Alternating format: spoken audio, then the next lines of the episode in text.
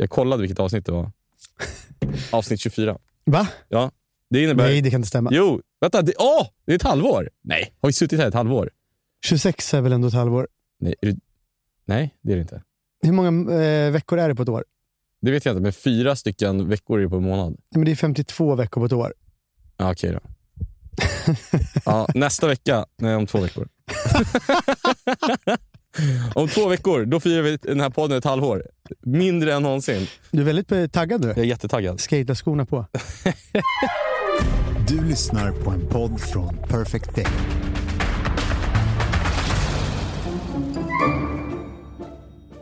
Stort grattis Johannes Selåker, eller Johannes 36. Eh, tack. Tack. Vad- Eller till vad? Du vet inte vad jag syftar på? Är dina... Nej. Jag är alltså inne på... Min bok antar jag som har kommit. Ja, jo, och du gör... Vad fan gör du med sladden? Är du sjuk i huvudet eller? Jag, jag ryckte lite. Ja, släpp den. Har du inte tagit medicin nu idag eller? Jag känner mig igång. Jag ser det. Släpp sladden. På, på allvar. Du, du kommer ju, alltså det blir ju dåligt ljud och grejer. Du förstör ju sladden. Ljudtekniker Engman. Nej men du gör ju... Det har varit en speciell vecka förra Ja. veckan.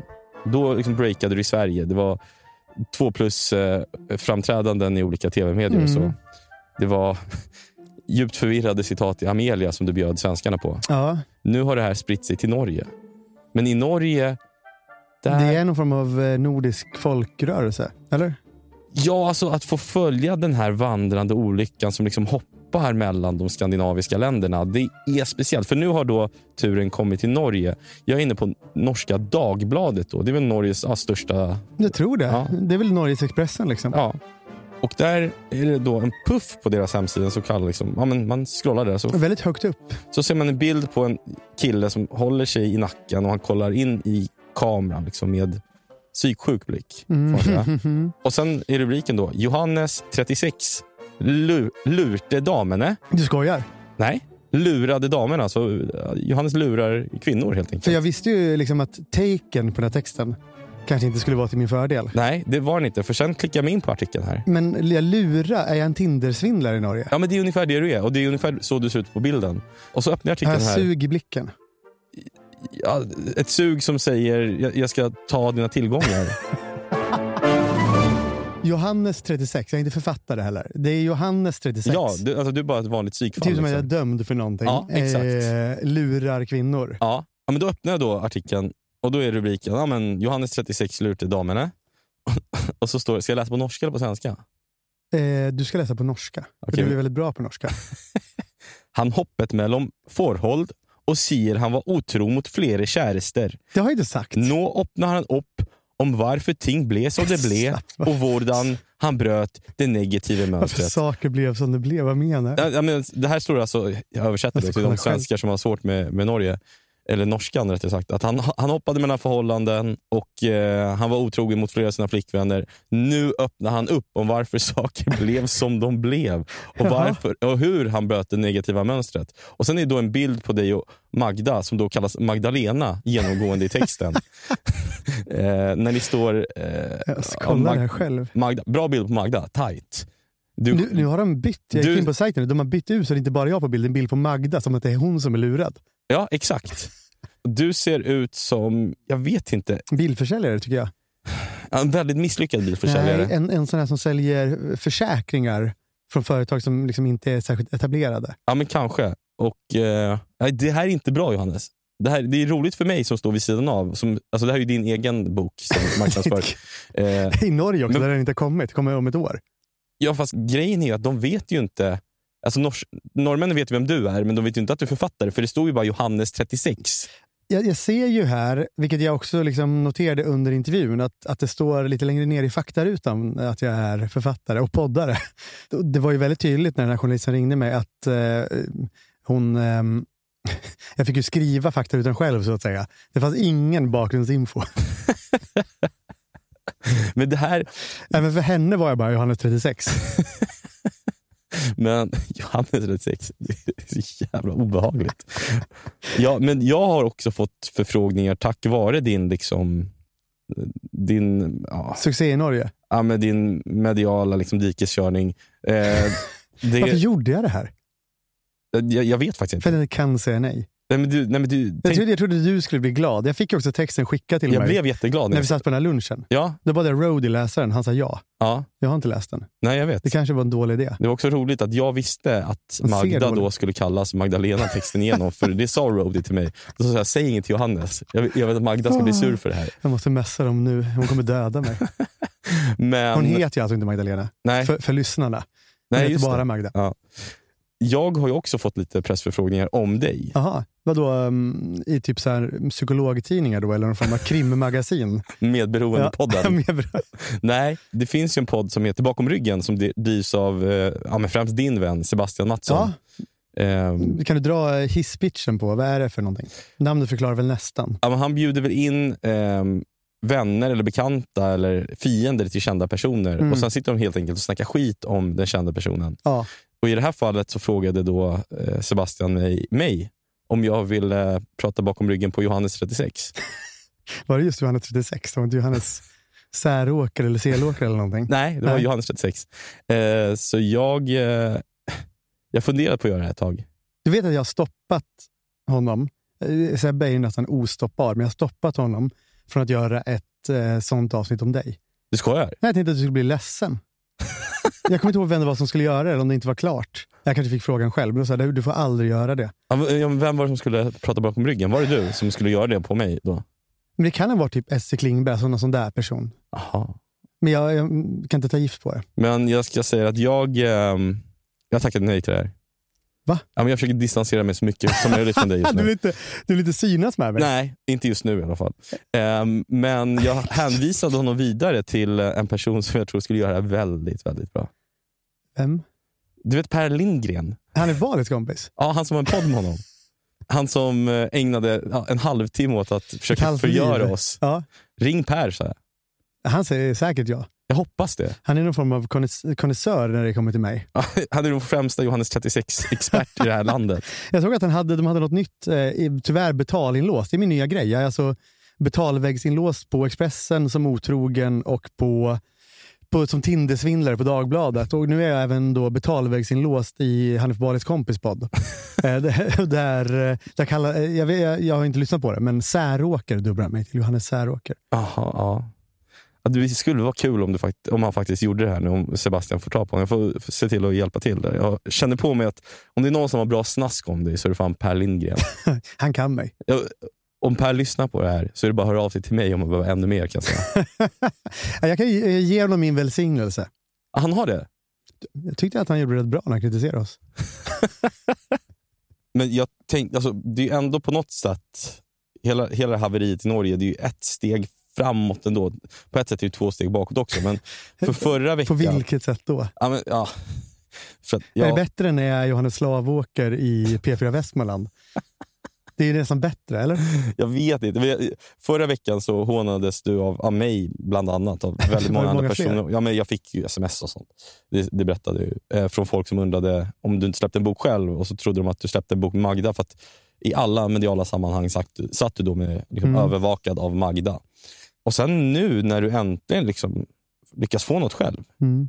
då ser du ut som en dömd sexförbrytare i, i norsk press och kallas Johannes 36. Jag ler också på bilderna, Ja, det, vilket är bara obehagligare. Ja. Det är jag stolt över det jag har gjort. Ja, exakt så känns det. Men jag måste, gav du liksom inga förhållningsregler till, regler till, till din pressperson Lars Johansson när, liksom, när de här intervjuerna bokades? Jag sa till honom att jag inte ville prata om min ADHD. Jag ville inte prata om... Jag ville prata främst om boken. Ja. ja men bra jobbat Lars. Stort tack. Tack för att ni får jobba med dig.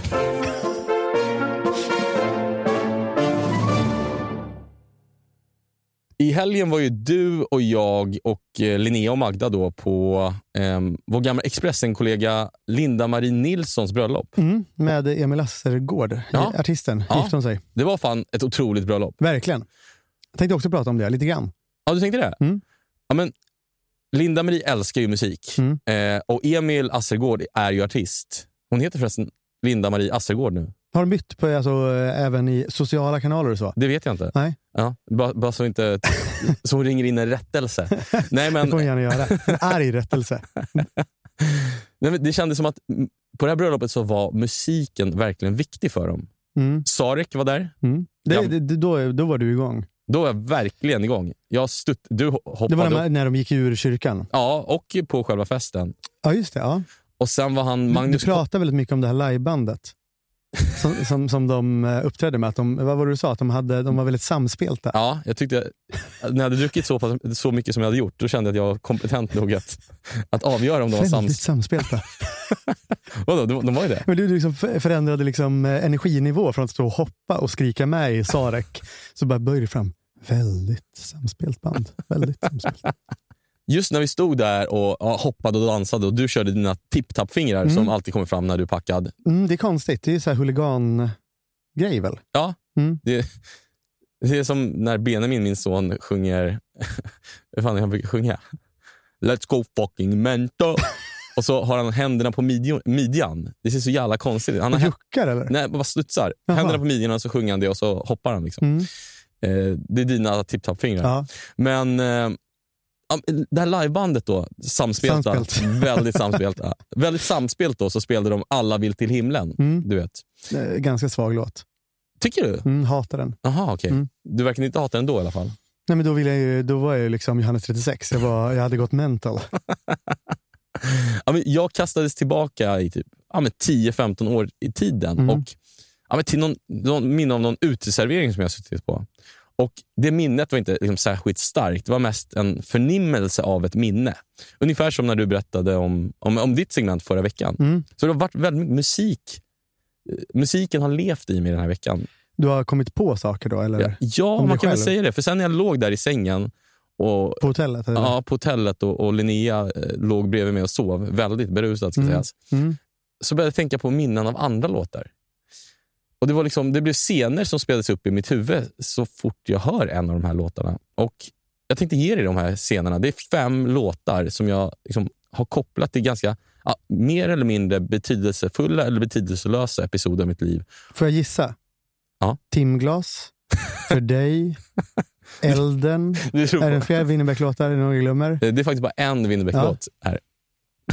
Men jag vill också att du innan, när jag berättar låttiteln, så vill jag att du, du gissar om det här minnet är ett ljust eller ett mörkt minne. Ja, spännande. Ja. Men har du några mörka minnen? Har inte du förträngt allting? Ja, men du, får, väl- du får väl höra nu. Ja, spännande. De är inte jättemörka. Det är inte, det är inte som liksom, det är inte morsan-minnen. Nej. Men det är, allt behöver liksom inte vara kolsvart som det var, det varit i ditt liv. Man kan vara en intressant person ändå.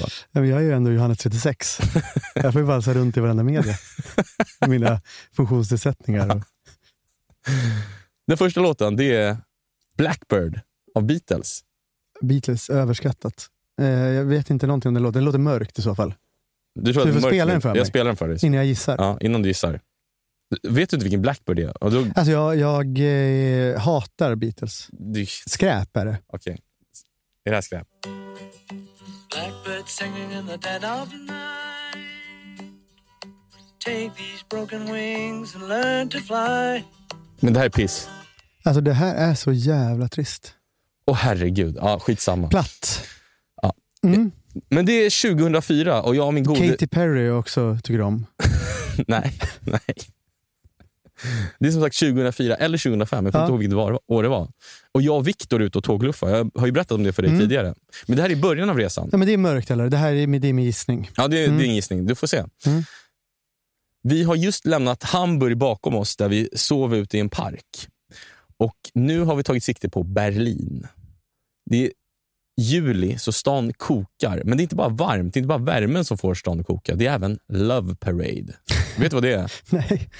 Ja, men av någon i Hamburg, någon backpacker vi träffade, så, så lovades vi en miljon bögar som åker runt på stora lastbilar. Jaha, det är alltså någon form av pride, eh, alltså det är en stor prideparad? Ja, typ. Aha. Fast det är liksom, de spelar techno på liksom Hitlers paradgator. det här är- låter ju härligt. Ja, det låter härligt, eller hur? Och det ville vi ju se. Mm. Vi var ju 16 år gamla. Så jag och Viktor åkte dit och vi hittade ett vandrarhem en bit utanför stan. Jag tror det var något där Beatles-fest eller någonting. nej, nej. Vi bor i en sovsal. Det bor väl ja, 18 andra personer i det ungefär. Mm. Och ett par bäddar bort finns det en sydkoreansk kille. Han är, eller man är han rätt- sagt, för han är 35 år gammal och han säger att vi ska kalla honom för Mr Lee. Han vill bli kallad. Ja. Ja. Han är, ja, som du hör, han är väldigt artig och snäll. Ja. Eh, tillbakadragen. Han vågar inte säga så mycket och vi tar honom under våra ja, väldigt tunna och spröda 16-åriga vingar. Mr Lee är nämligen oskuld och han har aldrig druckit alkohol. Så det första vi gör är att vi köper en flaska vodka i någon butik och eh, sen sitter jag, Mr Lee och Viktor på innergården och dricker den här vodkan. Det känns som att eh, det var en dålig idé att börja med vodka, eller? Du får väl se. På den här innergården då, så finns det massa så grovhuggna sittmöbler och bord utspridda. Och de, de är utspridda under en ek vars kron, krona är enorm och liksom skänker skugga. Och eh, Mr Lee dricker väldigt mycket, Mm. så han blir full. han har bott där i typ en vecka och han hävdar att alla andra backpackers har behandlat honom som piss. så han börjar skrika på de andra gästerna. Han säger, Alltså, nu kommer hämnden på något sätt. Allt är uppdämt. Nu kommer allt uppdämt upp. Han skriker att de är fucking pigs som inte plockar undan efter sig. Han är trött på att plocka undan efter sig. Och han har alltså, varje kväll har Mr Lee diskat alla andras disk inne i det här köket på vandrarhemmet. Det är gulligt. Ja, det är gulligt, men nu gråter han. Han, han ligger på rygg och stirrar upp i den här ekens trädkrona. Och eh, Ni har alltså inte tagit er ut från innergården än? Nej, Nej. nej. för Love Perry ska börja dagen efter. Så det, är liksom, det här är värmningen så att säga. Men mest av allt skriker han så det eka, ekar I want to fuck. I'm too old to be a fucking virgin. Han, alltså han vrålar det här om och om igen och den här desperationen studsar omkring där på innergården. Och först stannar liksom de andra gästernas liksom aktiviteter av. Det är någon som sitter och spelar på gitarr. Men efter ett tag så liksom börjar de här skriken ja, bara gå upp i omgivningen. Folk fortsätter göra och han ligger kvar där och skriker. Och eh, backpacken som har suttit och spelat gitarr då, han eh, tar upp gitarren igen. Och vet du vad han spelar då? Den här väldigt, väldigt tråkiga gitarrslingan. Han spelar Blackbird. Jag vet inte vad det mörkt eller ljust. Ja, men det är inte heller. Jag tror att det är ett ljust minne. För att jag kommer ihåg att jag och Viktor pratade väldigt mycket efter det om att alla människor har så mycket mörker inom sig som man inte kunde tro innan. Vi, Mm. vi är 16 år gamla här. Så att vi, Just det, nu ser ni liksom en annan del av världen. ja, det gör vi Såg du då liksom det här sättet du hanterar känslor på? Att det där är jag om 35 år när jag till slut exploderar. Vadå? Det, är liksom, det är en förnimmelse av en framtid. ja, du tror att jag liksom skiljer mig från Linnea och börjar åka på Love Parade och vara ensam på olika hostels? Ja, eller om du, du kanske inte ens skiljer dig, du kanske bara drar som gubben Engman och, och skriker på människor i Berlin.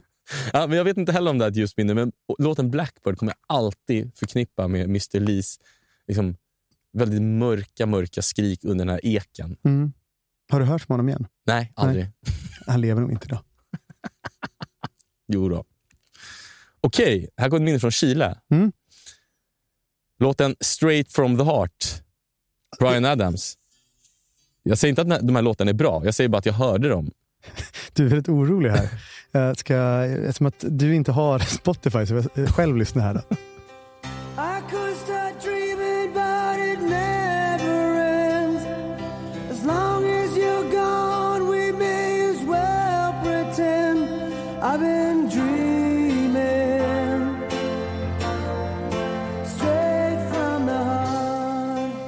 Ja, det här är ju Hallstahammar. Ja, det är det va? Mm. Tror du ljust eller mörkt det här?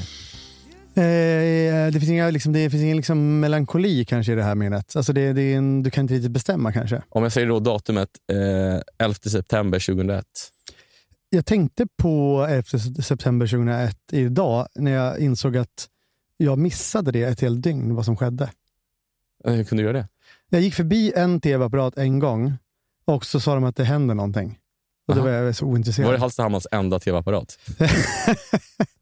Nej, men sen gick jag in och spelade Tony Hawk tror jag, med en kompis. Aha. Och sen eh, dagen efter skolan så förstod jag att det hade, det hade skett någon skit. Det var skit som hade hänt här, borta i, i Amerikat. Ja, väldigt avlägset. Ja, det, det är roligt att det inte är helt, eh, helt annorlunda från mitt 11 september. Nej? Jag bodde i Chile då och jag gick på Colegio Ambrosio O'Higgins i Vainar. Du är 14 här eller? Eh, fjo- Fem- 14, fem- 15 ja. Ja. Jag är just fyllt 15. Eh, vi hade bildlektion och plötsligt kom rektorn in och avbröt lektionen. Han sa att det hade hänt något hemskt. Jag hade bara bott i Chile i en månad då, så jag fattade inte riktigt vad som hade hänt. Eh, sammanhanget var lite diffust. Jag trodde att det var Frihetsgudinnan som hade rasat. eh, sen lyssnade jag nog inte så noga, för jag hade tankarna på annat. På, Ja, efter, det är det jag ska berätta. Efter skolan den här dagen så skulle jag träffa Janina Valdes på den katolska flickskolan Santa Marta. Och Jag hade aldrig varit där tidigare, men det jag skulle få uppleva det var otroligt. Alla killar stod liksom uppradade utanför skolan och väntade när det ringde ut. Eh, den här Och skolan... sen började, började ni med catcalls och visslingar och Nej. slicka runt munnen och sådär. Nej, Det, var, det var inte vi som, som gjorde något konstigt. Utan den här skolan den drevs av nunnor. Det var en superkatolsk skola. Så tjejernas kjolar var tvungna att, de hade skoluniform, var tvungna att liksom vara, gå ner under knäna. Mm. Men i samma stund som det ringde ut så liksom störtade hundratals eh, flickor ut från, från den här skolan. Och I samma stund som de nådde trottoa- trottoaren så rullade de upp kjolen 20 centimeter så att det blev kort, kort. Och det var det ni väntade på? Det var det vi väntade Ja. på. Och Jag väntade då på Janina, som hon hette. Och eh, Vi satte oss på en bänk på det lilla torg utanför hennes hu- hus där hon bodde. På, vad fan heter den parken? Spelar det någon roll? Vill du ha ett, Jag vill ha ett namn här. vad fan heter den parken? Den ligger på Avenida, Avenida Pratt vid, vid den norra delen av Vajenar. Mm. Om någon har vägarna förbi någon i framtiden. Ja, Janina Valdes, hette hon så? ja. Jag tror inte hon bor kvar där nu. Dock. Nej. Ja, men vi satt där och jag tog hennes hand och vi kysstes. Och, eh, hon smakade jordgubbstuggummi och väl, luktade väldigt väldigt söt, sött av någon så vaniljparfym. Mm.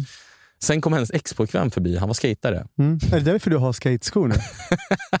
Jag har noterat det sista veckan. Att, eh, Ja, det är min har... nya grej. Tycker du de är sköna? Det, ja, absolut. Ja, jag hade inte på mig de här då i alla fall. Men, men jag blev i alla fall jagad av honom och hans fem skaterpolare runt i Vajenar. Eh, och sen hann jag undan. Jag var väldigt snabb på den tiden. Respekterade Janina dig för att du sprang från... Ja, men de var ju fem stycken. Vad fan skulle jag göra? Jag var ju livrädd. Jag var ju dessutom ny i Chile. Jag visste inte om de bar kniv eller vad de gjorde. Men sen när jag fintat bort de här arga bort.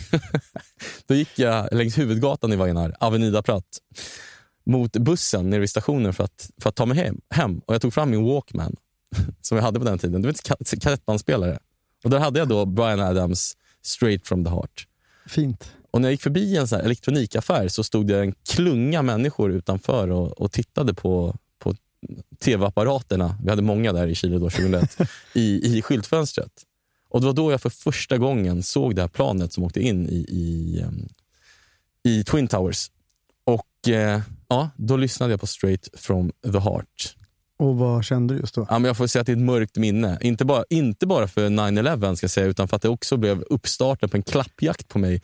Eh, stadens skater gick ihop för att och, och spö Aha, skiten ur mig. Det blev liksom en rörelse mot dig där. Ja, det blev det verkligen. Så jag, jag var alltid tvungen att se mig om över, över eh, axeln när jag gick runt i Vagnar efter det. Vad hände med Janina Valdes och dig? Jag vet inte. Jag tror att hon gick tillbaka till sin expojkvän. Det här var sista gången? Eller? Det var, det var sista, första och sista gången jag hånglade med henne. Sen blev jag ihop med en annan tjej som heter Daniela Palta. Det betyder Mm. Daniela Avocado. ja, det, var, Ja. det var det minnet. Ja. Är du påverkad? Ja, men jag gillade, jag, den här scenen gillade jag. Ja. Här kände jag, jag kände att det fanns en melankoli ändå i det här. Ja, verkligen. Ja, men det var ett mörkt minne. Mm. Det här tror jag du kommer gilla. Eh, Det här är ju ett ljust minne. Vi får se. Det är 2007, möjligtvis 2008. Men det är, Det är första gången du hör den här låten. Nej, det är det nog inte. Men det är sommar. Och jag och Kim är superpanka. Kim pluggar vid den här tiden geografi på Stockholms universitet. Vad ska han göra med det? Eh, Det han gör nu, eh, han jobbar med ge- geografiska informationssystem, tror jag heter, så kallat GIS. Jag vet inte vad det är. Nej, inte jag heller riktigt, men han jobbar med det i alla fall. Så det ledde ju någonstans, Mm. de här eh, fem års studierna på SU i alla fall. Men på den här tiden så pluggar han inte så mycket. Vi, varje kväll är vi ute. Det är det då ni bor tillsammans? Ja, det är här Ja. vi bor tillsammans. Och ehm, vi har ju aldrig råd att dricka när vi är ute, inte om vi ska betala för oss. Så att liksom, det vi gör det är att sno slattar av folk helt enkelt. Det är liksom, vi går inte på några exklusiva fester där man bjuds på alkohol. Det är inga ambassadfester vi besöker på den här tiden. Vad är det för klubbar? Krogar? Ja, men det, är liksom, det är mycket söder. Mm. Eh, det är då och då Stureplan. Vi känner väl någon kille som ibland kan fixa in oss på en lista. Så Ja. länge man är där typ vid tio på kvällen så Ja, börjar ja, ja. festen vid ett. Den där liksom, det som inte riktigt är den riktiga listan. Exakt. De vill bara fylla upp stället så tidigt som möjligt med losers som jag och Kim. Då. Men den här kvällen har vi lyckats ta oss in på Utekompaniet. Du vet den här uteserveringen som finns sommartid mitt på Stureplan. Mm. Och vet du vem som är där den här kvällen? Där hamnade jag på Perfect Day-festen senast. Jaha. Men och då var du kanske där med Malte Gårdinger? Eh, nej. Okej, Nej. det, här år, det här 2008 eller 2009, då var i alla fall Pontus Gårdinger där. Mm.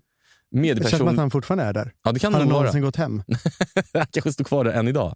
Men alltså han, han är ju medieperson får man säga. Mm. Programledare, producent, skådespelare också. Vilket år sa du? 2008? Ja, 2008, Mm. 2009. Du har jobbat med Filip och Fredrik? Ja, det kanske han gör. Mm. Han står i alla fall lutad mot bardisken med eh, fem otroligt vackra kvinnor runt sig. Mm. Det Han- gör han väl än, kan jag tänka mig. Förmodligen. Men han, han skrattar och berättar anekdoter. Och de här kvinnorna de liksom bara tindrar med ögonen mot honom. De är helt hänförda. Det är jag och Kim också. Han är en fyr av ljus, ett ett liksom tomtebloss. Vi häpnar. Hur kan man vara så självsäker när man pratar med kvinnor? Hur kan man vara så där tillbakalutat manlig som Pontus Gårdinger är? Mm. Vi satte oss vid ett bord, men vi sa ingenting till varandra. Vi kunde liksom inte slita blicken från Gårdinger. Och till sist sa Kim... "Ja, men jag, Han är ju Johannes 36 egentligen. Ja, det här är ingen kritik mot honom, eh, men minns du någonting han har sagt någon gång? Alltså man blir så bländad av hans karisma. Det är inte bara snygghet liksom. Och air på något sätt. jag minns att han har gjort stort intryck på mig två gånger i livet. Ja, är alltså först- förutom den här. Ja, den för, det här som jag ska Mm. komma till snart, Mm. det är den första gången. Den andra gången befinner jag mig i Portugal på inspelning av Mästarnas mästare. Eh, Är det då du såg en man bära eh, tofflor? Eh, en man Birkenstocks. bära Birkenstocks för första gången. Det Och var det, var 2000, eh, 16. och i år vågade du köpa dem. det stämmer ju, eller hur? Ja, men Ja. Den, den mannen, det var Ja. faktiskt Pontus Gårdinger. Han satt Ja. i en sån här trailer. Mm. Eh, alltså, inte bara en husvagn, utan det var, han var ju producent för Mm. Mästarnas mästare. Och så öppnade han dörren och gav en väldigt tillbakalutad intervju. Mm. Som aldrig publicerades. Du ville bara hänga med honom. Jo, den publiceras som en del i min, min väldigt intensiva och härliga rapportering från Mästarnas mästare Mm. då, 2016. Starkt rep, kolla upp det. Jag var redaktör för det repet. Ja, det var du. Ja. Imponerad. Eller? Var det mitt timely som journalist? Eh, Jag tror faktiskt att det aldrig publicerades. faktiskt. Men i alla fall, jag, nu är vi tillbaka då 2007 eller 2008 och jag, eh, jag satte mig vid ett bord medan Kim, ja, men han, vi satt bara och stirrade på Pontus Gårdinger först och sen sa Kim så, här, ja, men jag, jag måste fixa dricka åt oss. Så han eh, skulle gå iväg och sno lite drinkar åt oss. Slattar. Slattar helt enkelt. Men när han kom tillbaka så bar han inte på så här slattar utan han bar på en kyld ishink och ur den stack en vinflaska upp. Så jag frågade, vad, vad hände? Du skulle ju sno slattar. Det enda han sa var Pontus Gårdinger. Då frågade jag, vadå, köpte han den åt dig? Nej, men jag stod bredvid honom och skulle stjäla en lovande drink och då möttes våra blickar och jag, jag kunde inte. Man kan inte göra så. Inte i närheten av Pontus Gårdinger. Så jag köpte en hel vinare för att ja, allt annat kändes bara fel. Och sen efter det, hade jag, ja, han var helt pank efter det här Kim. Så, så han blev en mentor utan att han själv visste om det. Han påverkade Kim så fruktansvärt mycket så resten av den där kvällen satt vi bara där och drack det här vinet och kollade på Pontus Gårdinger medan då Känningens sorg för, för mig i Göteborg spelades. Så det är ett väldigt ljust minne. Ja, det formar din bild av manlighet. Ja, verkligen. Mm. Men nu börjar du efter sju år, åtta, tolv, femton leva upp till det. Linnebyxor. Ja, du verkligen kopierar honom. Ja, det gör jag. Och nu vet ni varför. Nu ska vi spela en låt som är, den här har du garanterat aldrig hört. Vi ska tillbaka till Chile. Det låter härligt. Det gillar jag. Ja. Introt är väldigt härligt. Det här har du försökt spela på gitarr och inte riktigt få till va? Otroligt många gånger. Oj, oj.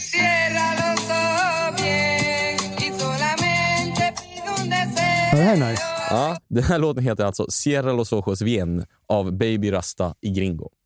Vad tror du? Ju, eh, mörkt eller ljust minne? Nej, mörker. Tror du det? Mm. Vi får se. Jag är 15 år gammal. Det här är några månader efter 11 Du är kvar september i Chile 2001. Ja, Mm. och det har blivit sommar. Mm. Jag har flytt Vajenär och skatergänget och istället åkt till min kusin Carlos eh, för att fira sommarlov i La Serena. Eh, fotbollsspelaren? Ja. Ah, Eh, han blir fotbollsspelare sen. han Jag, spelar i landslaget. ja, han spelar i landslaget i chilenska. Eh, jag har aldrig druckit alkohol tidigare. Eh, Förlåt. Och likt eh, gubben Gonzales, som är hans släkting, eh, sumpat lite med brudar och fest eller? nej, tvärtom. Ett väldigt inrutat familjeliv. Jaha. Nu, Eh, ja. alltid? Ja, alltid Mhm. gjort det. Han, har ihop med samma, han träffade tjejen som han lever med nu eh, den här sommaren, jag Mm. faktiskt tro. Mm. Eh, och de är fortfarande ihop, så det är fint. Du kan inte pissa på Carlos. Ja, jag blandar ihop honom med någon. ja, det måste du Av göra. alla fuck-ups i det här släktledet. Det här är ju lyckade. Jag har aldrig druckit alkohol tidigare, men den här månaden som jag hänger med Carlos och hans kompisar kommer förändra det drastiskt. Om dagarna hänger vi på stranden, vi spelar fotboll och ja, lallar runt, försöker prata med tjejer, som man gjorde på den tiden. Vad hade du för lines när du gick fram till någon? Nej, men, jag vet inte. Jag, jag var ju väldigt populär i Chile på grund av att... Du, du frågar bara om deras killar inte var skatare. Nej, men jag, I Chile var, eller är det ju väldigt ovanligt med blåa ögon, så jag fick väldigt mycket uppmärksamhet för mina blåa ögon. Alltså, Så du gick och var, liksom lyfte stirrade ögonen, på, på, på, sökte solljus så de skulle verkligen synas. Ja, men det var faktiskt så att kvinnor, äh, kvinnor tjejer faktiskt catcallade mig när jag var på väg hem från skolan. Vad kallar de dig då? Eh, de, bara skrev, de trodde att jag var utlänning och att jag inte pratade eh, spanska, så de skrek bara så här, Michael, Michael, eller gringo, gringo. Eh, Precis som i din eh, första bok om Vanessa Frank. Det är inte en scen där. Jo, kanske. Ja, Ja. exakt så. Jag minns. Snott därifrån. Mm. Ja, men, och en kväll frågade Carlos om vi ska följa med hans polare på kvällen för att dricka. Och ehm, Han tog med mig till en backe som var liksom full av sopor. Och Den här sluttningen, eller backen, störtade ner mot liksom, Stilla havets mörka vågor. Jag minns att det luktade sopor och eukalyptus, som det så Mhm. ofta gör i Chile. Mysigt. Ja, jag satte flaskan till läpparna och drack och jag tyckte det var ganska mysigt. Det var pisco vi drack, Chiles nationalsprit. Det var en väldigt billig sort som man blev extremt bakfull av. Men det, det visste jag inte här. Det var ingen finsmakare. eh, jag fick väl i mig ja, en fjärdedel av flaskan på liksom, alltså, några klunkar bara. Var det stark sprit? Ja, det är stark sprit. Mhm. Det är så jävla vidrigt. Och eh, ja, Carlos drack väl lika mycket. Eh, och sen blev det helt svart. Jag minns att vår kompis Peluca, eh, peruken som han kallades, för hans hår såg ut som en peruk, svart och, och burrigt. Eh, han blev förresten påkörd ett par år, se- år senare när han var packad. Eh, lever han? Nej, han blev påkörd och dog. Mm. Eh, han eh, tog liksom hand om oss. Och, så, Nej, innan där, när han låg där. Sa han något av dina böcker då? Nej, det gjorde han faktiskt inte. Nej. Konstigt. Eh, men han läser dem säkert i himlen just nu. det är jag övertygad om. Nej, men han, eh, han var ju en fin och ansvarsfull kille, så han, Mm. han såg att vi inte mådde bra. Så han hade tänkt bära oss hem. Så han började släpa oss upp för backen när vi skulle hem och vi var halvt medvetslösa. Och plötsligt så hör jag någon skrika ”Akta!” Och eh, Peluca släpper mig och Carlos och springer iväg. Ansvarsfullt. Ja, in, inte här. Här är tappande. I nästa se- sekund så hör jag hästhovar. Alltså många hästhovar. Bara mot grus som bara kommer emot oss i full fart. Fy fan. Ja, det är alltså ett, en flock hästar som har slitit sig från någon innergård eller någon hage i närheten av den här jävla sopstationen vi, vi var vid. Och Jag ligger där packad och tänker så här. Det, det är roligt att jag tänker ändå, det är tur att jag är packad och inte kan röra mig nu. För att jag minns att min mamma, som red väldigt mycket när hon var ung, eh, sa att hästar aldrig kliver på människor, så man ska bara ligga helt still. Så jag blundade och låg alldeles still medan de här hästhovarna bara smattrar runt mig i gruset. Fan. Och Jag lovar mig själv samtidigt att jag aldrig någonsin ska dricka igen. För jag, är ju livrädd också. Och från bergsprängaren, någonstans nedanför den här backen, så kommer då Sierra Los Ojos igen med Baby, Rasta och Gringo. Och eh, ja, Varje gång jag hör den sången så hör jag också i bakgrunden de här hästhovarna som kommer liksom närmare och närmare och sen är, smattrar alldeles runt mig. Och sen tänker jag också på Peluca då som sitter i himlen och läser mina böcker. Vilken är favorit? Samir och Viktor. Men så det, är ett- det är ett mörkt minne. Ja, det får man säga. Det får man verkligen säga. Och nu har vi en låt som du känner, nu, nu blir det, nu blir det kvalitutta här. Ja, nu är det Winnerbäck. Ja. Ja, nu blir det Mm. Winnerbäck. Du ska gå på din andra konsert i livet nu hörde jag. Winnerbäck igen. Nej, det är typ min fjärde Winnerbäck. Eh, Den här, det här är ju en av hans bästa. Aureliusspåren ledde hem till middagstid Där allting var modernt runt 77 Där låghusen slutade och skogarna tog vid Där bodde jag, där bodde du Där bodde jag och du Ja, vad tror du? Ljust eller mörkt minne? Det här måste vara mörkt va? Det är något ex. Det har gått 15 år sedan den där kvällen när jag, när jag nästan blev eh, nermejad av de här hästarna packad i en, eh, i en backe i La Serena. Nu befinner jag mig lite mer norrut. Eh, Det är 2016, det är januari och jag befinner mig i Chile för att skriva Patrioterna. Ensam nu. Ensam, helt ensam. Carlos, min kusin... Mamma, pappa inte heller där då? Nej, nej. Nej. Carlos, min kusin, är, jag tror han har proffskontrakt i Dubai eller i Saudiarabien. Då, Just det, in- han var Ronaldos föregångare. Ja, han var tidig det var med- samma lag, eller hur? Ja, jag Mm. tror faktiskt Eh, han var tidig med att, med att dra till arabvärlden och tjäna mycket pengar. King. Ja. Han Eh, hade hjärtat på det rätta stället. ja, det har han faktiskt. Det är en fin kille. Han frågade mig faktiskt en Jag frågade honom... jag, jag, Vad frågan där? nej men jag, jag frågade faktiskt honom om jag skulle kunna komma och hälsa på honom en gång när han spelade i Saudiarabien. Då sa han, snälla gör inte det. Det här är värsta stället på jorden. jag vill bara härifrån, man får inte ens dricka, sa han. Men i alla fall, jag, det är 2016 och jag har lånat min syster Manuelas gamla Mitsubishi. Jag är i Chile för att skriva min debutroman Patrioterna. Och den här bilen är så jävla gammal så att den har något elfel på tutan. Så fort man vred om tändningen så drog tutan igång. Och jag körde 60 mil eller vad kan vara, från Santiago, då, huvudstaden, där jag landade med mitt flygplan. Mitt flygplan, lät som jag körde privatkråka till Chile. Det gjorde jag inte. Jag, Jävla bra förskott du fick. jag hade inget förlag på den här tiden heller. Nej. Jag var helt oprövad. Eh, men jag tog den här jävla bilen med tutan ringande i öronen eh, från Santiago då till den lilla fiskebyn Chañaral da Seituno i, i norra Chile. Och under, under den här resan så höll jag på riktigt på att bli galen. Jag, liksom, jag dunkade huvudet i ratten till slut för att få det sluta. Jag grinade. Alltså jag grät på riktigt. För det var, ja, det var som tortyr. Och när jag kom fram till Chañaral da Seituno, den här lilla fiskebyn, då hittade jag en kille som kunde bilar. Han kunde väl bilar ungefär lika bra som de här bossierna du, du hävdar, ja, som, som du träffar i, i Bosnien när du har problem med bilen. De som är ofta kockar eller ja, något helt annat. Ja, men den här, den här killen han, han, liksom, han tog typ fram en sax och klippte av en sladd i, in i Ja, ratten. det han löste problemet. Han löste verkligen problemet. Efter det fungerade inte tutan alls, men det var ändå föredra eh, framför att tutan ringde hela, eller tjöt hela tiden så fort man vred om tändningen. Men en av de här dagarna när jag hade skrivit ungefär ja, två veckor på det som skulle bli Patrioterna, då tog jag bilen och körde ut i den omgivande öknen. Jag visste ännu inte om jag skulle lyckas få ihop någon bok. Liksom. Jag hade ju inget förlag eller så. Jag visste inte heller vad som skulle hända med mitt liv med mitt förhållande i Sverige. Det var i stort sett över eh, förhållandet. Eh, även om vi ja, samma dag som jag kom hem sen eh, gjorde ett försök att bli ihop igen. Det höll en dag. sen gjorde vi slut igen. Jag minns att jag sökte upp den enda restaurangen i den här fiskebyn när du var där. Ja. Eh, Fick du något meddelande av dem? Nej, vad menar du? Jag tror att jag spelade in ett meddelande där jag utgav mig från att vara då din dåvarande flickvän. Jag minns inte exakt vad jag sa. Alltså, men du ringde från, från Sverige till Ja. 2016. Ring, det här har du aldrig berättat. Nej, det- jag kom på det nu. Jag, ja, men det var ju för att du aldrig liksom, åt, liksom replikerade på detta. Nej, det fanns ingen mottagning Det. i, i fiskebyn. Det fanns nog bara en fast lina till hela byn och det var nog till restaurangen. Ja, och jag fick ju liksom, de förstod kanske inte vad jag sa. Nej. Men det var väl någonting med någon annan kille kan jag tänka mig. Säkert någon, säkert någon namngiven kille. eh, ja, någonting. Ja, du ringde för att håna mig.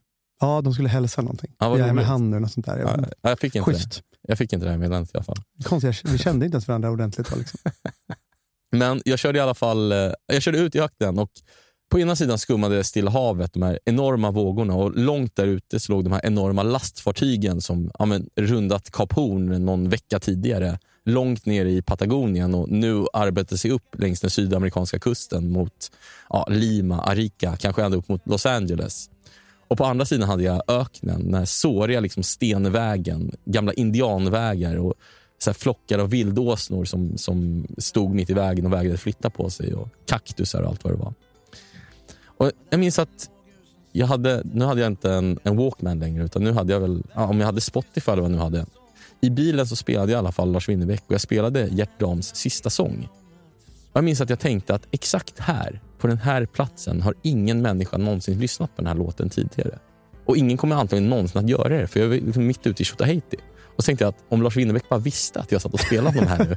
Jag kände en connection med Lars Du vill ändå bli Winnerbäck. sedd. Ja, Du kunde inte vara kvar i det här fina minnet själv. Ja, men jag kände mig som en upptäcktsresande. Jag var den första i världshistorien att lyssna på den här sången just på den här platsen. Och Det fanns något så otroligt befriande i det. Och Jag fortsatte köra genom öknen ensam tills bensinen började ta slut och jag fick vända. Och Kanske var det tur, för annars hade jag nog velat köra omkring där resten av mitt liv och lyssna på Lars Winnerbäck och Gert Dahms sista sång. Så det var ett väldigt, väldigt ljust minne. Ja, jättefint. Ja, tack. Ja, där tack. skulle jag vilja vara. Hade du det? Ja. Ja. Har sin rätt att förändras där den går. Och den är hos dig nu, hos dig och din vän. Jag ska aldrig mera lägga mig med huvudet mot ditt hår Och aldrig älska dig igen. Aldrig älska dig igen.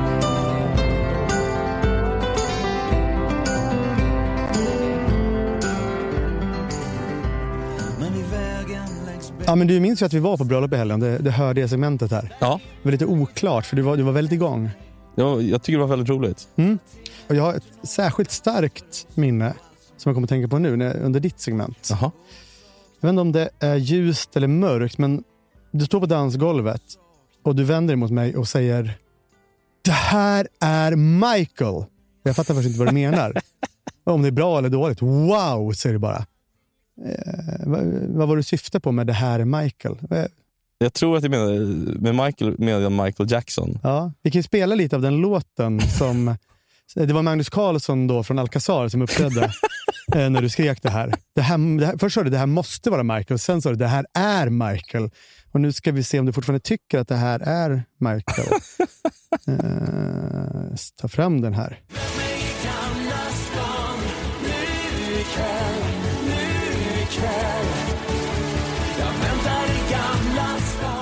Nej, kanske inte jättelikt va? Men det är det är kvaliteten kanske du syftar på. Ja, men det är kvalitutta i båda, båda liksom, de här um, konstnärskapen.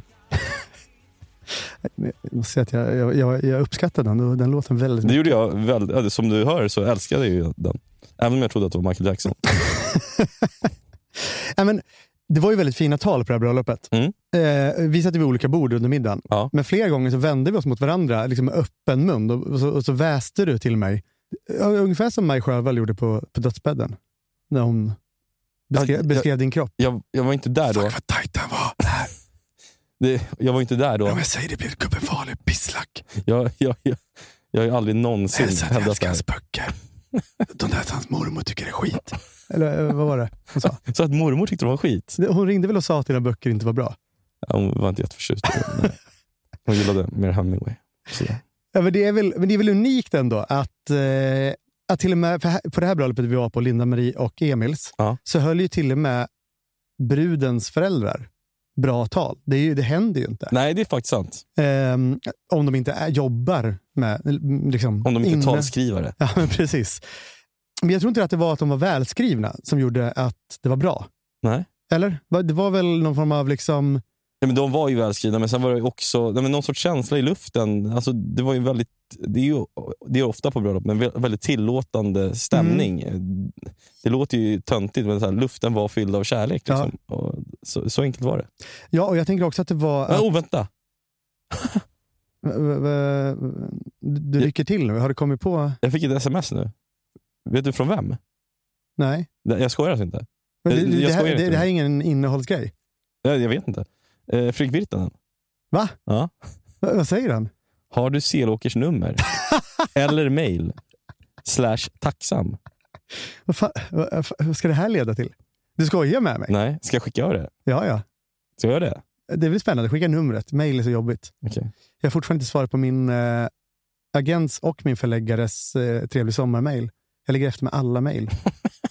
jag tror inte jag svarade på förra sommarens trevlig sommarmail Men, heller. vänta, men jag letar upp ditt nummer i telefonboken. Då kan du, då kan du svara här till vår, din agent och din förläggare eh, på det mejlet. Du kan bara säga liksom, Tack eh, så mycket. Jag kommer inte ihåg vad ni skrev, men tack. Det, eh, det var fint att jobba med er under våren, och vintern och hösten. ja, vänta, om Virtanen ringer, då måste du ju svara. Ja, då tar jag det direkt. Ja, ja. Nej, men jag tror, eller det jag tänkte på eh, under kvällen, under de här talen, det var att de här eh, talhållarna, vad fan du säger, gjorde, var att de tog egentligen bara en scen som var stark, kanske liksom krossade ens hjärta som förälder, barn som flyttar hemifrån, vad det kan vara. En liten scen Mm. som alla kan relatera till.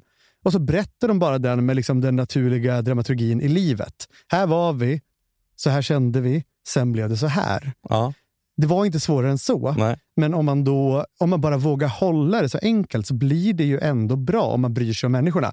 Kände, kände, kände du då, fuck, det här är vad Pascal har sagt emot mig varenda dag sedan vi startade den här podden. Håll det enkelt. Kan du sluta liksom twista in historien i olika tidslinjer och det är, jag vet inte vad du sysslar med där borta. Det ska alltid vara så jävla komplicerat Nej, jag håll. försöker träna. Jag försöker lära mig Inför någonting. vad? Vad tränar du inför? Ja, det, oj, nu får jag, nu får jag sms här. Nej, det var från Sean. Podd-OS, eller? Men det, vad fan, man vill försöka göra någonting. Ja. Ja, annars kommer Hanif Balis kompisar och säger att jag har stulit allting. Och- Sen visar det sig att jag har stulit de här greppen också. Förmodligen. Fuck. Nej, men eh, det är faktiskt det jag ska göra nu. För jag hade planerat ett segment. Jag skulle sänka en, en jävla pissluffare som har gett sig på mig. Pissluffare? Ja. Jag vet inte, Säger man, säger man inte så i Göteborg? Ja, men det var någon som sa det nyligen. Ja. Jag kommer inte ihåg vem. Ehm, och var det du? Ja, det tror jag inte. Eh, men jag skiter i det avancerade segmentet. Utan nu ska jag bara berätta någonting som hände. Ofiltrerat och naket. Smärtsamt. Oj, smärtsamt. Jag ska bara berätta.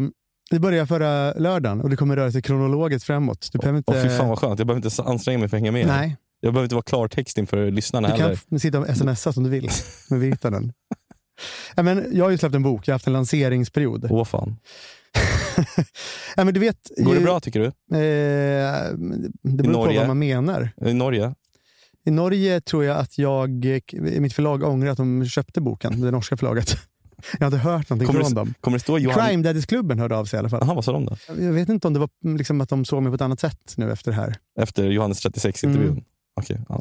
Det är kanske är det som ditt författarnamn bara ska vara, Johannes 36. Det, det kanske folk ändå håller reda på. Ja. Svårt att jag inte får åldras Ja, bara. där är den där psyksjuka jäveln. Han har skrivit en bok om all skit han håller på med också. Du kan väl vara Säråker eller Psykåker? Psyko... Varför inte? Psykåker. Det är faktiskt bra. väldigt bra. Ja. Ja. Kör på det från och med nu. Ja. Nej, men du vet ju, du har ju också varit här. Där man liksom, hela tiden är det en kalender som förändras och man styr inte över den själv. Och man har ju annat att göra. Alltså, det kommer en massa mail, det är massa... Det, det är bara saker som händer. Det är obegripligt att det kan vara så mycket med ett, här, sju intervjuer. Eh, sam, men man ska också försöka, liksom, man ska försöka på, komma på roliga saker att säga. Man ska glömma dem när man väl kommer till den här sändningen. Jag försökte redigera färdigt vår bok, Nomaden. Och jag försökte samtidigt planera min egen bok under den här veckan. Ja. Och man blir ju galen. Och jag inser ju att jag har inte haft semester i år och jag hade det inte förra året heller. Liksom under den här veckan så började jag förstå att jag har liksom en trötthet som det går inte att mota bort den. Du har ju känt samma sak i våras ungefär. Ja. När man liksom inte, hur, vad man än gör, så man blir bara tröttare och man glömmer saker. Ingenting fungerar i kroppen. Och ehm, Ja, ja, men på det här bröllopet, nu hoppar jag tiden då här, men det var omedvetet den här gången Pascal. Häng med nu. Ja, men jag pratade med en kille som hade varit utbränd. Och han, när han beskrev de här varningstecknen som han kände när det började ske för andra gången. Då tänkte jag, men så där har jag känt i två år, varje dag. det här liksom lättretligheten, att jag inte kan sortera tankarna, att jag inte sover. Alltså jag sover ju aldrig mer än fem timmar. Det är helt sjukt. Det är inte bra. Nej. Men i alla fall, det började ju som sagt en lördag. Förra lördagen när boken kommer, när jag är i Nyhetsmorgon. Det är en vecka innan det här bröllopet. Vi, vi är i Nyhetsmorgon. Du är där med Magda. Magdalena. Magdalena är i mör- Nyhetsmorgon. Jag är, jag är någon form av eh, eskort. Ja. Ja, inte sexuellt, alltså jag, jag tar dit henne. Ja. Förutom de här intervjuerna och eh, olika möten med förlag, sådana här grejer man ska boka in och fixa och redigera en bok och planera en annan. Så har jag haft ett uppdrag från Magda och det är att hämta klänningen till Linda-Mills bröllop. Och det är fortfarande en vecka kvar, men jag har haft det uppdraget under hela veckan. För jag har beställt den, jag har beställt den åt henne. Liksom. Mm. Hon har börjat bli lite sur. Liksom. Men jag tänker, jaha, alltså det är bara att hämta den. Det är en vecka, så hon hinner köpa en ny om den inte passar eller så. Mm. Hon hade köpt två storlekar. Men efter Nyhetsmorgon så, så går jag till posten till slut, eller Ica eller vad det nu är, och hämtar det här. Och jag tycker det är lite märkligt när den här killen lastar upp två paket. Och han säger, är du ensam? Det är ganska tungt. Jag bara, hur mycket väger det? 28 kilo. Vad fan är det här? En Riddarrustning du har köpt till henne. Ja, det är inte, alltså jag har ju liksom bara liksom eh, använt mitt konto. Hon Ja. har ju liksom laddat i grejerna tror jag. Nej, hon har sagt åt mig. Ja, det är skumt. Har jag gjort något fel? Ja, jag, jag tänker att ja, det här måste jag väl ta upp med Magda. Vad håller du på med? Och jag kommer hem, jag ställer det här i ett hörn. Hon är inte hemma. Och eh, Det går två dagar, det blir måndag. Hon ska äntligen prova den här klänningen. Och jag, så här, där, där har du lådorna. Tight. Vad tightsen. Jättefin var hon. Men då är Maj Sjöwall här.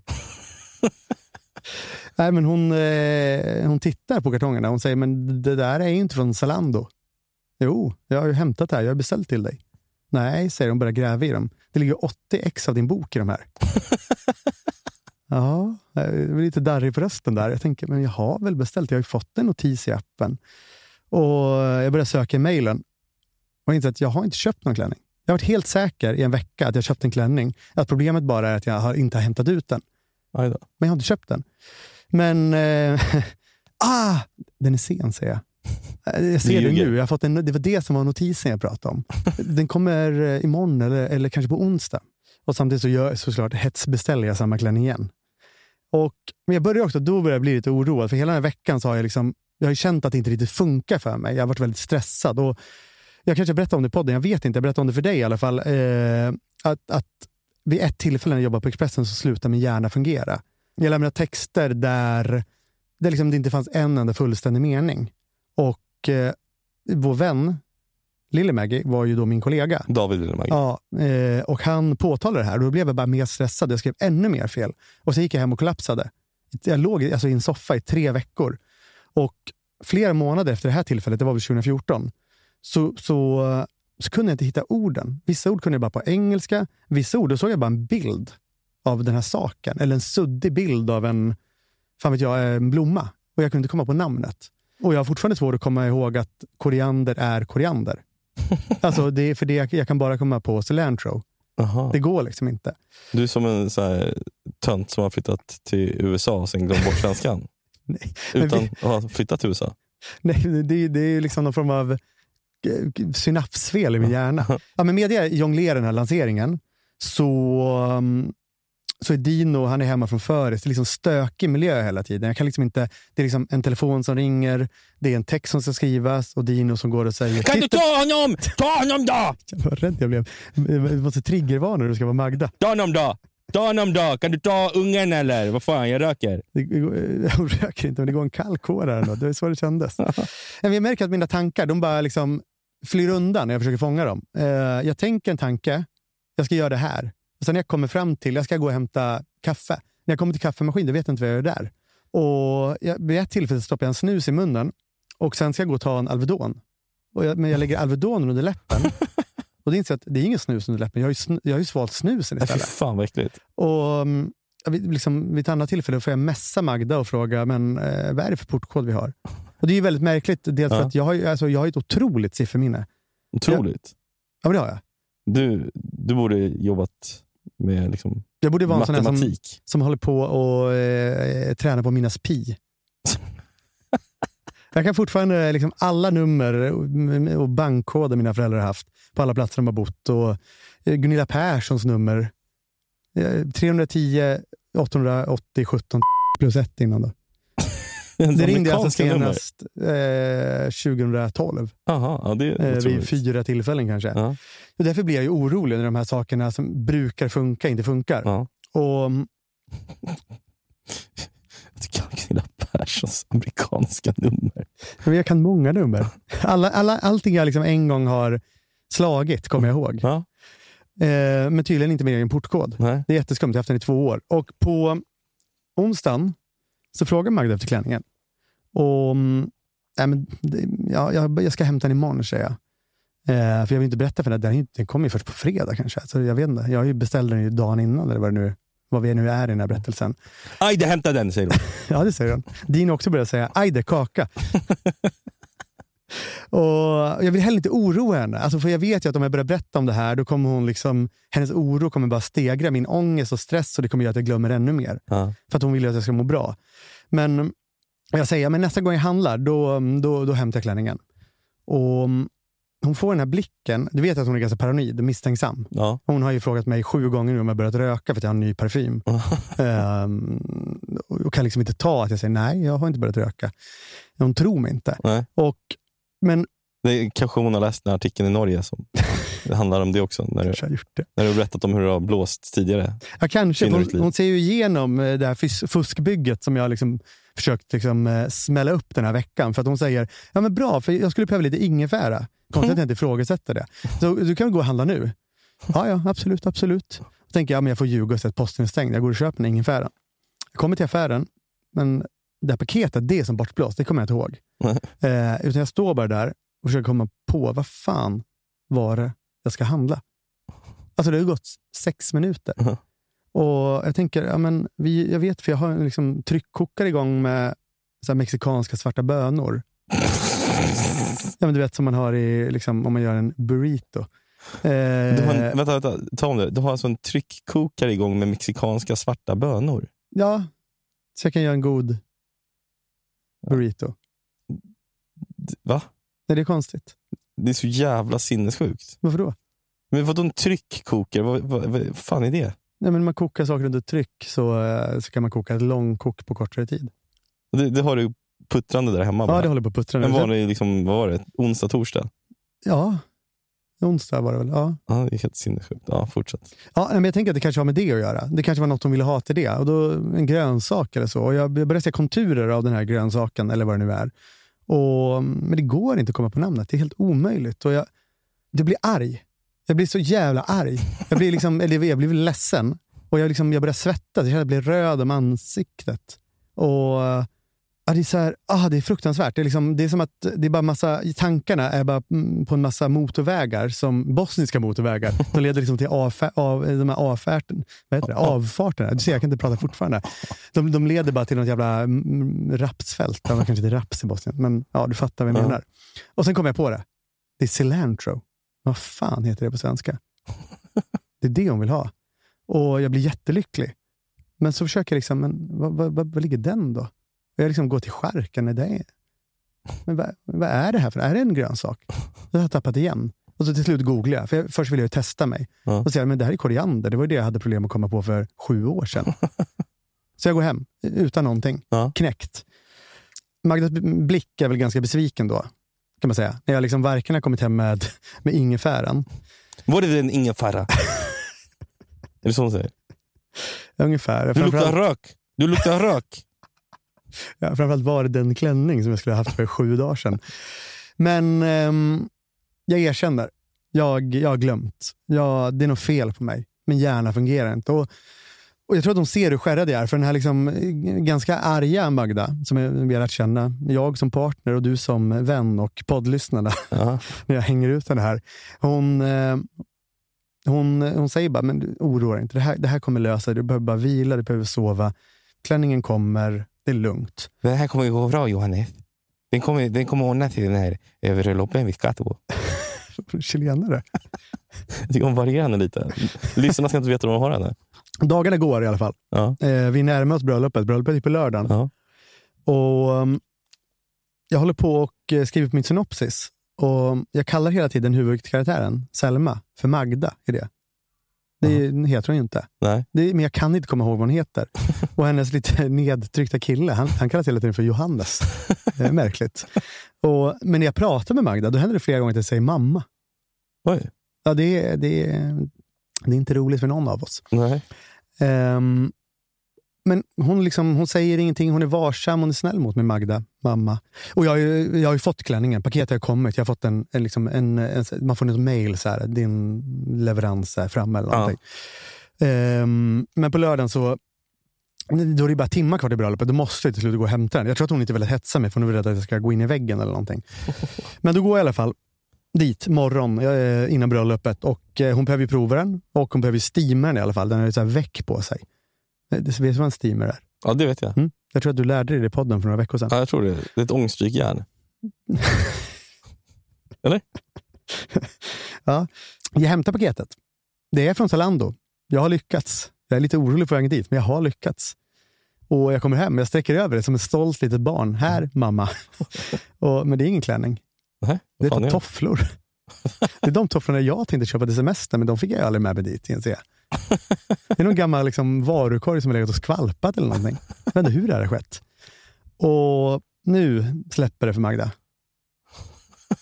Det kom ingenting från dig där. Jag visste inte vad jag skulle säga. Din satans idiot! Vad har du gjort? Var är min klänning? Ja, Jag hör inte vad hon säger. Jag ser bara att hon hytter liksom, tofflorna som att hon ska slå mig. Och jag fattar ingenting, för jag, jag har ju beställt den. Jag är ju helt säker. Och Jag går in i mejlen jag kollar. Jag har beställt klänningen. Jag, alltså, 100 procent har jag beställt den. Och Jag eh, vänder telefonen mot Magda och visar det här mejlet. Och på något sätt, liksom, där ilskan försvinner en kort, kort sekund. Men sen, sen kommer det där liksom beslöjad över hennes ögon igen. Och um, det, det, det hon säger är, ja, du har beställt den, men du har skickat den till Spanien. Va? Du har skickat den. Du har ju skickat den till, liksom, för vi, du, du och vi, alltså vi båda som par bodde i Spanien ett par Ja. månader förra året. Ja. Jag har skickat den till den här adressen i Palma. Du skojar? Nej, Det är helt sinnessjukt. den kommer jag tydligen ihåg. jag, jag, jag, har jag trott att jag bor i Spanien? Det är helt obegripligt. Ja, det är lite konstigt faktiskt. Ja, Det är så jävla läskigt. Och mm, ja, Nu har jag nog inte särskilt överseende eller fin mot mig. Nej, jag förstår det. Nu är hon matt. Ja. Eller matt är hon inte. Hon är fan... Hon är som du när du imiterar henne. Men jag försvinner in, liksom som ett skal. Jag sluter mig. Jag ser att hennes mun rör sig, hennes nävar far omkring i de olika liksom, bostika, bosniska gestikuleringarna. eller hur man nu ska uttrycka det. Men i mig så släpper någonting. Alltså det, fan, jag går sönder här. Det här, det här är... Alltså jag mår så dåligt. Jag kan liksom inte andas. Och det enda jag kan tänka Är du som John Lundvik då när han förstod att det var någon jävel som hade hoppat framför spåret och att han skulle bli sen till giget? Ja, det är min Magda kanske här. Då. Hon, hon ser på det så. Johannes gick sönder, nu får inte jag ha den här klänningen. Jag har ju bara 32 andra. Hel- eh, Två hela garderober fulla med klänningar. Så, och det är för lite plats, så jag måste alltid ge upp lite mer än min varje vecka. Annektera lite av Johannes. Ja. Ja. Nej, Men det enda jag kan tänka att det är något fel på mig. Och jag, när jag tänker det så tänker jag det här har jag tänkt hela veckan. Det är bara att jag inte förstått det. Det har varit en mantra hela veckan. Det är något fel på, det, eller på mig. Det är något som är fel på mig. Anar du varför jag tänker det här? Att det är något fel på dig? Mm. Ja, för att du har beställt en klänning till Spanien, din dumma Ja, jävel. men, anar du varför det här är jobbigt? Jaha. Ja, för att du känner att du är på väg in i den berömda väggen igen. Nej, det är minnet. Alltså att det är minnet som inte funkar. Min mamma dog i Alzheimers. Kommer du ihåg det? Ah. Minns du? Var, var det Du Alzheimers? skickade den och blommor när hon dog. Nej, Nej, jag tror inte du messade heller faktiskt. Nej Nej. för du, du höll ju det här inom dig i typ fem månader innan du sa det Jag, till mig. jag la i alla fall ut på Instagram för att jag skulle slippa. Ett halvår senare. Nej, det, några dagar senare faktiskt. Var det? Ja. Jaha, jag, blev Eftersom väldigt, jag var tvungen när jag skulle gå till Expressen och berätta om min frånvaro. jag blev väldigt förvånad när jag läste det i alla fall. Ja. Men du fick en like. Jag Ja, likade. jag fick det, jag går in och kollar det efteråt. Så fick du tre, tre såna här hjärtan också. Du trodde det var en ny bok eller någonting. Du bara likar. Ja, ja, fan vad kul, han hänger med morsan. Såg bilden. Fan. Ja, men hon dog av Alzheimers. Hon fick ju diagnosen när hon var 53. Men hon blev sjuk många år innan. Ja. Och det, det här är liksom min största skräck. Jag tänker varje gång jag glömmer något så tänker jag, nu händer det. Ja, det förstår jag. Och jag har, alltså det här som jag pratar om nu, det har jag, jag kan inte ens prata med min terapeut om det. Det här är typ första gången jag pratar om det. Och det är den rad jag läste den kvällen hon berättade att hon blev sjuk. Då gick jag hem och googlade maniskt för att kolla om det finns något man kan göra. Manisk. Maniskt. Googlade man... Jaha, jag Ja. trodde mer att du googlade ordet manisk. Nej, jag googlade helt maniskt. Okej, jag fattar. Eh, för, att, ehm, för att se om det fanns någon, liksom, liksom, hon kunde vara med i något, liksom, någon studie eller någonting. Experimentell skit eller så. Och då läste jag en rad som jag inte ens vet om det stämmer. För när jag läste den så stängde jag av och sen har jag liksom inte läst ett ord om Alzheimer sedan dess. Och det stod att om din förälder får Alzheimers i ung ålder, och 53-diagnos då är väldigt ung ålder, för hon har ju haft den några år innan också.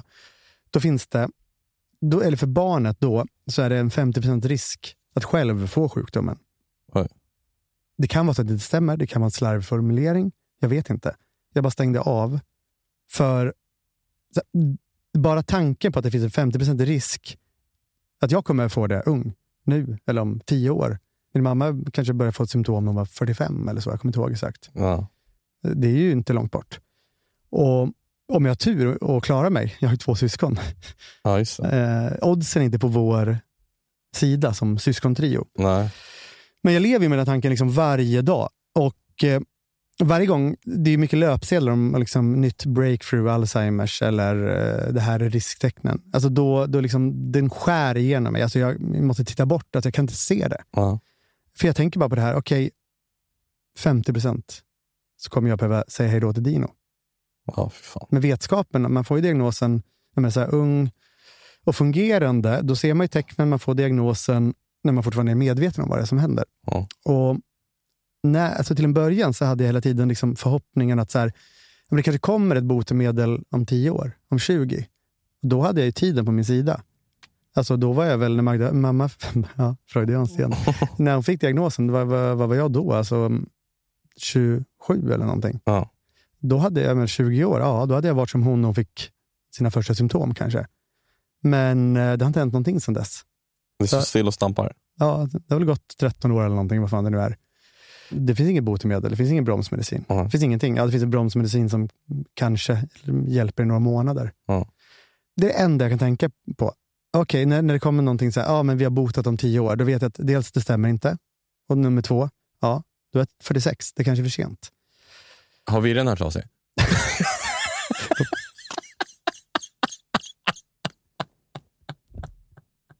Sorry, jag var tvungen. Jag låter det landa hos lyssnarna utan att jag kommenterar det här. Nej, men när jag tänker 20 år, då är alltså den horisonten, då är det ju, då var ju mamma halvvägs från diagnos till död. Hon hade sex år, liksom. 53 till 59. Så nu ska jag liksom prata med dig. Jag pratar inte med min terapeut. Nu pratar jag med terapeut Engman. Ah, Eh, Den liksom bortträngningsmekanismens eh, fader. ja, det är jag. Hur fan ska jag hantera det här? jag. Jag vet inte, Johannes. Jag vet inte hur, hur, hur, hur du ska göra det. Jag har ingen men- aning. Men du, du är ju du är mästare på att hantera känslor. Nej, jag, är inte, jag är inte rustad för sånt. Vad ska, alltså, jag, jag skulle bara aktivt tänka... Vad skulle du göra? Jag skulle aktivt absolut inte tänka på det. Men och det kommer till mig fem gånger per dag, Ja. minst. Ja, och då ska jag, ungefär som när du tänker på ett ex du inte kan komma över när du just har blivit dumpad. Bara tänka så här. jag Det är kan- det jag har gjort i, mm, när, dog hon, eller när jag fick hon diagnosen 13 år sedan. Eller Ja, då, då får du hitta en ny terapeut då. ja, ja, det här är mig övermäktigt. Om bortträngning inte funkar, då har jag ingen... Alltså då, Det är ett verktyg. nej, det är mitt enda verktyg jag har att erbjuda. Ja, men det är så jävla olösligt på något sätt. Det går inte att bli fri från det. Nej. För jag kan inte veta, eller ja, jag reda på om jag har den här genen, att det är ju, leva med det är ju så mycket, mycket värre. Att leva med vetskapen att okej, nu är det ju ganska hög risk då. Är det värre? Ja, men så här, jag kan ju ha tur. Det kan ju fortfarande vara så att hon inte bär på den här genen, att ingen av oss syskon får den. Det, att det, liksom Ja. bara, det finns ju liksom den här spontana debuten av ung, liksom tidig Alzheimers. eller vad fan det heter. Spontan. Vad här, härligt det lät. Ja, det, det heter faktiskt. Ehm, ja, men så här, för det, det är så här, jag har ju inte alltid mått bra psykiskt, men jag har ju aldrig velat dö. Alltså det, det är det värsta, den värsta tanken på att jag inte ska finnas där för alltid. Ja, jag vet. Det, det kan påverka mig också ibland. Och Det släpper ganska snabbt dock. Tycker du? Ja. Mm. Jag kan tänka bort det ganska... Ja, jo, det har jag väl lärt mig att tänka bort, men det här kan jag inte göra det. Alltså, det är en fysisk ångest.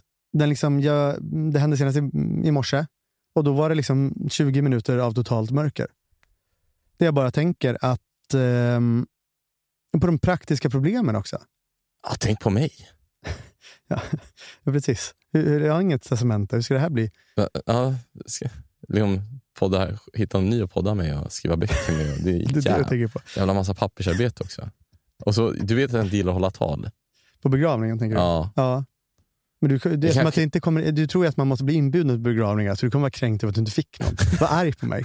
Arg på något Magda. bittert på Instagram. Arg på Magda. Jag Ja. mest, hatmässar henne under, under hon sitter. Jag har inte ens kallat den. Jag bara tänker på hur jobbigt allt ska bli. Hur menar du? För dig? Jag, hålla jag får använda något gammalt poddsegment kanske. Du spelar upp någonting? Ja. Eh, Vad för någonting? Du något. spelar Hanif Balis kompis. Ja, men kanske något så här tre plus intro vi har bara. Du kommer inte ens tycka för jobbet någon som gråter. Jo, jag skulle komma. Det skulle Du jag. skulle göra det? Ja, Ja, vad, skönt att höra. Ja. För om jag skulle få den här sjukdomen Ja, om tio år, då är Dino eh, 12. ja. Ehm, då vet jag att men då kanske jag har, liksom, vad är snittet, sju år man lever. Jag kanske har ett, två år där jag är så att jag kan liksom vara hyfsat med en konversation. Podda?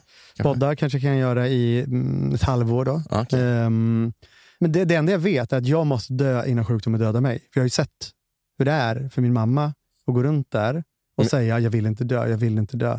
Medan du tar livet av dig? Jag måste eh, kontakta en dödsklinik, jag måste skriva något papper. För jag kanske måste göra det innan. Sådana här praktiska saker. Måste jag skriva det här pappret innan jag blir sjuk för att annars räknas inte jag som tillräknelig. Ja, sant. Det, jo, men jag kan inte skala upp det för det är för mycket ångest. Ja, Så de här tankarna kommer bara om och om igen. Vad ska jag göra? Liksom? Och det är egentligen inte för min skull.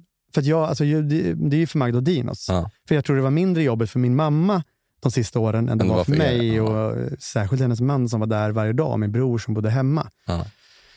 Men, men vad säger man då? Alltså så här, ja, nu har jag bestämt mig, eh, Dino och Magda, jag ska... mm, det här datumet, det, alltså, då ska jag dö. Ja, åker man ner Då åker man ner. till Schweiz. Liksom. Ja, men jag kanske inte ens har blivit tillräckligt dålig då. Eh, Och vad säger jag till dem? Jag, måste, alltså, det är, jag kommer ju ta farväl då. Ja. Ja. Vad säger man? Alltså vad, liksom, de sista orden till min son. Nej, ingen aning, jag vill inte ens tänka på det. Nej, eller hur? Nej. Nej, det här tänker jag fem gånger, kanske inte om dagen, men fem gånger om, om, liksom, om dagen, fem gånger i veckan i alla fall. Ja. Eller fem dagar i veckan. Och jag ser liksom deras ansikten. Jag ser den här sorgen, det här lidandet som jag kommer skapa. Om jag blir sjuk. Jag vet ju inte. Jag har inte pallat att kolla om det här stämmer. För jag fått en ångest så fort jag börjar googla. Jag, jag kan inte, jag bara stänger ner telefonen. Mm.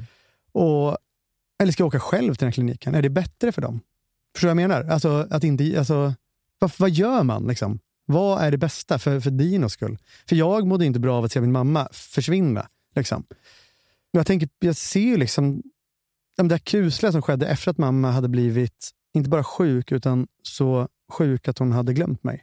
Den sista gången jag var där innan hon så att säga hamnade på dödsbädden, eller vad fan man ska beskriva det, när vi förstod att det var snart över. Mm. Då, ehm, det var typ ett år innan hon dog och jag är på det här boendet hon har flyttat till och hon känner inte igen mig. Hon vet inte vem jag är. Hon går omkring och stjäl potatisar på boendet. Och det är liksom, den humorn är det jag hänger upp mig på.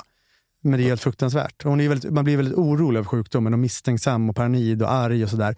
Men nu kan hon inte prata längre. Hon säger bara böle, böle eller något sånt där. Liksom. Och så har de vad hon göra fickorna med fulla potatis. Nej, Ja. inte, hon bara stoppar dem i fickorna, tar dem. Och bestick och allt hon kommer över. En kleptoman. Men det som händer när jag ska, när jag ska säga hej då till henne och jag böjer mig fram till att krama henne i början, för hon har varit liksom misstänksam mot mig. Ungefär som Magda. det är därför jag kallar henne för mamma. Nej, men då böjer jag mig fram mot henne och det är som att någonting bara klickar till i hennes hjärna. Och hon, hon, hon ger mig liksom en, en klapp på kinden som när jag var liten. Hon pussar mig i pannan. Men hon kommer inte ihåg mig. Men det är som att kroppen på något sätt kommer ihåg lukten. Att det är något muskelminne som Mm. gör det här av mig. Och Det är så jävla hemskt på något sätt. Att jag ser det här liksom... Jag ser att det finns någonting i blicken som liksom skiftar. Men jättekort. Som att hon, inte, jag vet inte om hon känner igen mig eller bara det blir något mjukare i den här misstänksamheten. Ja. Och sen, sen försvinner det. liksom. Sen är hon borta. Sen kommer hon inte ihåg mig. Hon skrattar åt något helt annat, helt förvirrad. Och, mm, men det var ju det här hon gjorde när jag var barn hela tiden. Hon, liksom, hon klappade mig alltid på kinden och gav mig en puss i pannan. Alltid, liksom, varje dag. Mm. Och det är det jag gör med Dino. Är det liksom, ska han uppleva det här? Ska han se liksom mig sitta där med den här konstiga hållningen som man får av den här sjukdomen, vagga på kroppen. Bara vara det här liksom rustningen, en riddarrustning. Men eh, som bara handlar liksom utan känslor. Mm. Och hur ska jag lösa den här sorgen? Alltså för honom, för mig, för alla, för Magda. Vad fan gör jag? Liksom? Och bara tanke på liksom att, så här, ja, att jag inte kommer ah, fan, kunna mm, för sista gången lukta dem i håret säga att han är den finaste lilla kille som finns. Vad fan gör man liksom? Så jävla svårt. Puh. Men det är vad jag tänker. När jag står här och Magda hytter med tofflorna och skäller på mig för den här klänningen. Och som vanligt, så, för det blir för jobbigt när jag tänker på Dino, så då trycker jag bort de här känslorna. Och då stirrar de på mig där. Samma misstänksamma blick som, som min mamma har där i, i det här rummet på hemmet i, i Västerås. Sista året hon levde och inte, när hon inte kände igen mig. Och, så jag undrar vad fan, hon bara stirrar på mig Magda. Vad, vad, vad sa du? säger jag. För det här har pågått i mig medan hon har skällt på mig. Ja. Och hon, eh, hon svarar med en, ton som jag tycker är lite, lite avlägsen den plats jag befinner mig på. det här mörkret. Och det hon säger är, jag frågar vad som är fel på dig. Har du Alzheimers eller? Nej. Så jävla sjukt. Det var det.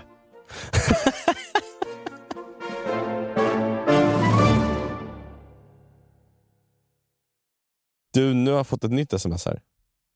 Det är inte från Virtanen den här gången. Eller Nej, vir- inte. Jag fick ju ett svar här av Virtanen. Det är Ja. väldigt långt, så jag tror att jag ska, jag ska, ta, ska ta mig tid att läsa det här. Ja, men gör det. Gör Det, det. det kändes som att det, det fanns vissa kritiska frågor. Om det är som person. Eh, jag läste inte allt, men det var en, eh, en, en känsla. Okej. Ehm, Det var också beröm. Jag, vår agent, sött och salt. våra, en av våra agenter, Sara, Ja, du känner till henne? mm, jag känner till Ja, henne. superhärlig. Mm. Eh, hon skriver att prisförfrågan på helikoptern... Vad skriver hon? Ja, ja, i smset. Ja, Ja. hon skriver att prisförfrågan om helikoptern är ute och hon undersöker vad kostnaden ska vara för att stripa den. Fan, hon har löst det alltså. V- vadå? Helikoptern, vi messade henne. Men- Vi, vi var på lunch, Ah, I fredags? Ja, vi, ja, vi, när mitt minne fortfarande vi var på lunch i fredags med, svajade. med några vänner. Men det här kommer jag ihåg. Och sen var vi lite fulla och så bör, började vi få ångest över, över det här liveframträdandet vi ska göra på Bokmässan. Den här podden. Jag har fått många frågor om det de senaste veckorna, hur man, eh, hur man bokar biljetter dit. Vi, vi verkar inte vara särskilt utannonserade som poddare. Nej, men Men, men det är alltså på Bokmässan by night på fredag 20.00. Då är det en, eh, en livepodd och jag gissar att vi är mest av fiender i det rummet. Så snälla, ni få som lyssnar, kom. Ja, men det vi ville göra för att distrahera alla våra fiender och kanske för att få dem att hata oss mer, det var att vi ville ta vi ville alltså undersöka hur det kostar att ta en helikopter till gigget. Och jag messade ju då Sara eh, att eh, kolla vad det kostar och kolla om... eller vänta, eh, messa Pascal sen. Jag skrev så här, jag ska läsa det.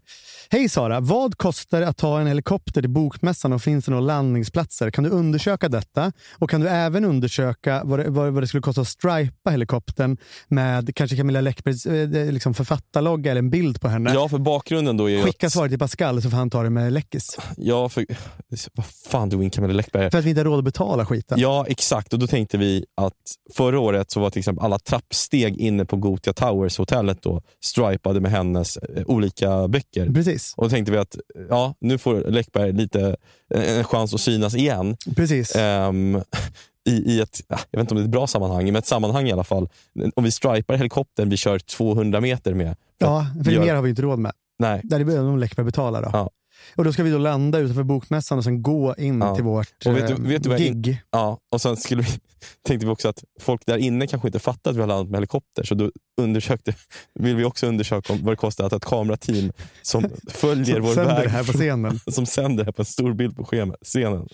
Något Oasis tydligen gjorde någon gång. Ja. Deras sista spelningar. Ja, exakt. Och det var Ehm. det vi inspirerades av. Men det här är en Ett band som är lika överskattade som Beatles. Mer överskattade. otroliga. Men vi kommer ju bli eh, väldigt, väldigt hatande. Men det här är ju i princip bokat. Ja, men vet du vad problemet är? Att, du, att det är du som måste fråga Läckberg. Det är jag som måste fråga Läckberg och du och jag ska ju träffa Läckberg imorgon för vi ska ju på middag för hennes, eh, hennes och Henrik Fexeus nya bok Mirage. Vi ska på lanseringsmiddag. Mm. Och då Är det många som kommer dit? Jag vet inte. Jag är plus en som Framför allt så kommer ju Sara, som är både din och min och Camilla Läckbergs agent dit. Och du har ju tydligen fått det att framstå som att Läckberg har gått med på att stripa vår helikopter Jag har sagt som bokmässan. en typ en done deal. Pascal får bara ta det praktiska. Ja. Så du menar att jag imorgon när vi kommer till den här middagen, Du säger inte då grattis till Camilla, utan du säger eh, "K- kan du eh, ge mig tju- 25 000? Och så säger du till Sara, eh, eh, se till att jag skickar faktura från mig till Läckberg. Det är väl det du ska göra på röda mattan. Det här kommer, alltså det kommer bli sånt jävla här. Jag måste ju kontakta Läckberg innan. Alltså och s- förklara. Bokmässan. Kan vi inte bara göra det och skicka faktura då? Vadå, vi stripar helikopterns namn och skickar en faktura. Det är Vi måste grilla. få många fakturor. Vi har samma revisor också så det är vattentätt. Jill kommer inte ställa några frågor. Det är perfekt ju. Kan Mm. ni fakturera 25 000 till Camilla för stripad helikopter? Frågan om hur vi ska kunna dra på bolaget att vi stripar Camillas namn. Men det får, Jill, det, det får bli Jills problem. Men du, det känns som att eh, vi har löst det. Det är så här vi får göra.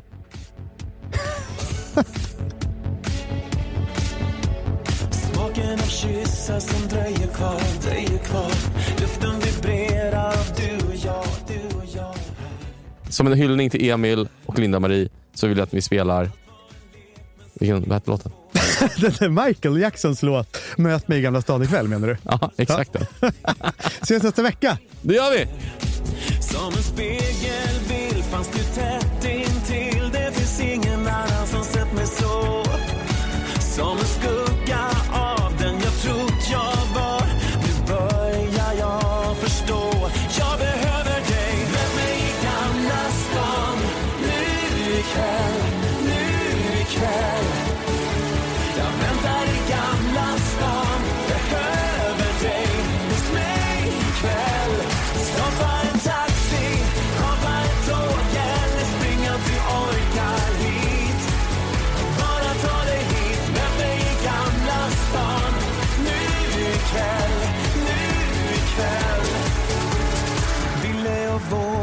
För din skull, för din skull Glasen står tomma men jag är full, jag är full av allt du gav Den här podcasten är producerad av Perfect Day Media.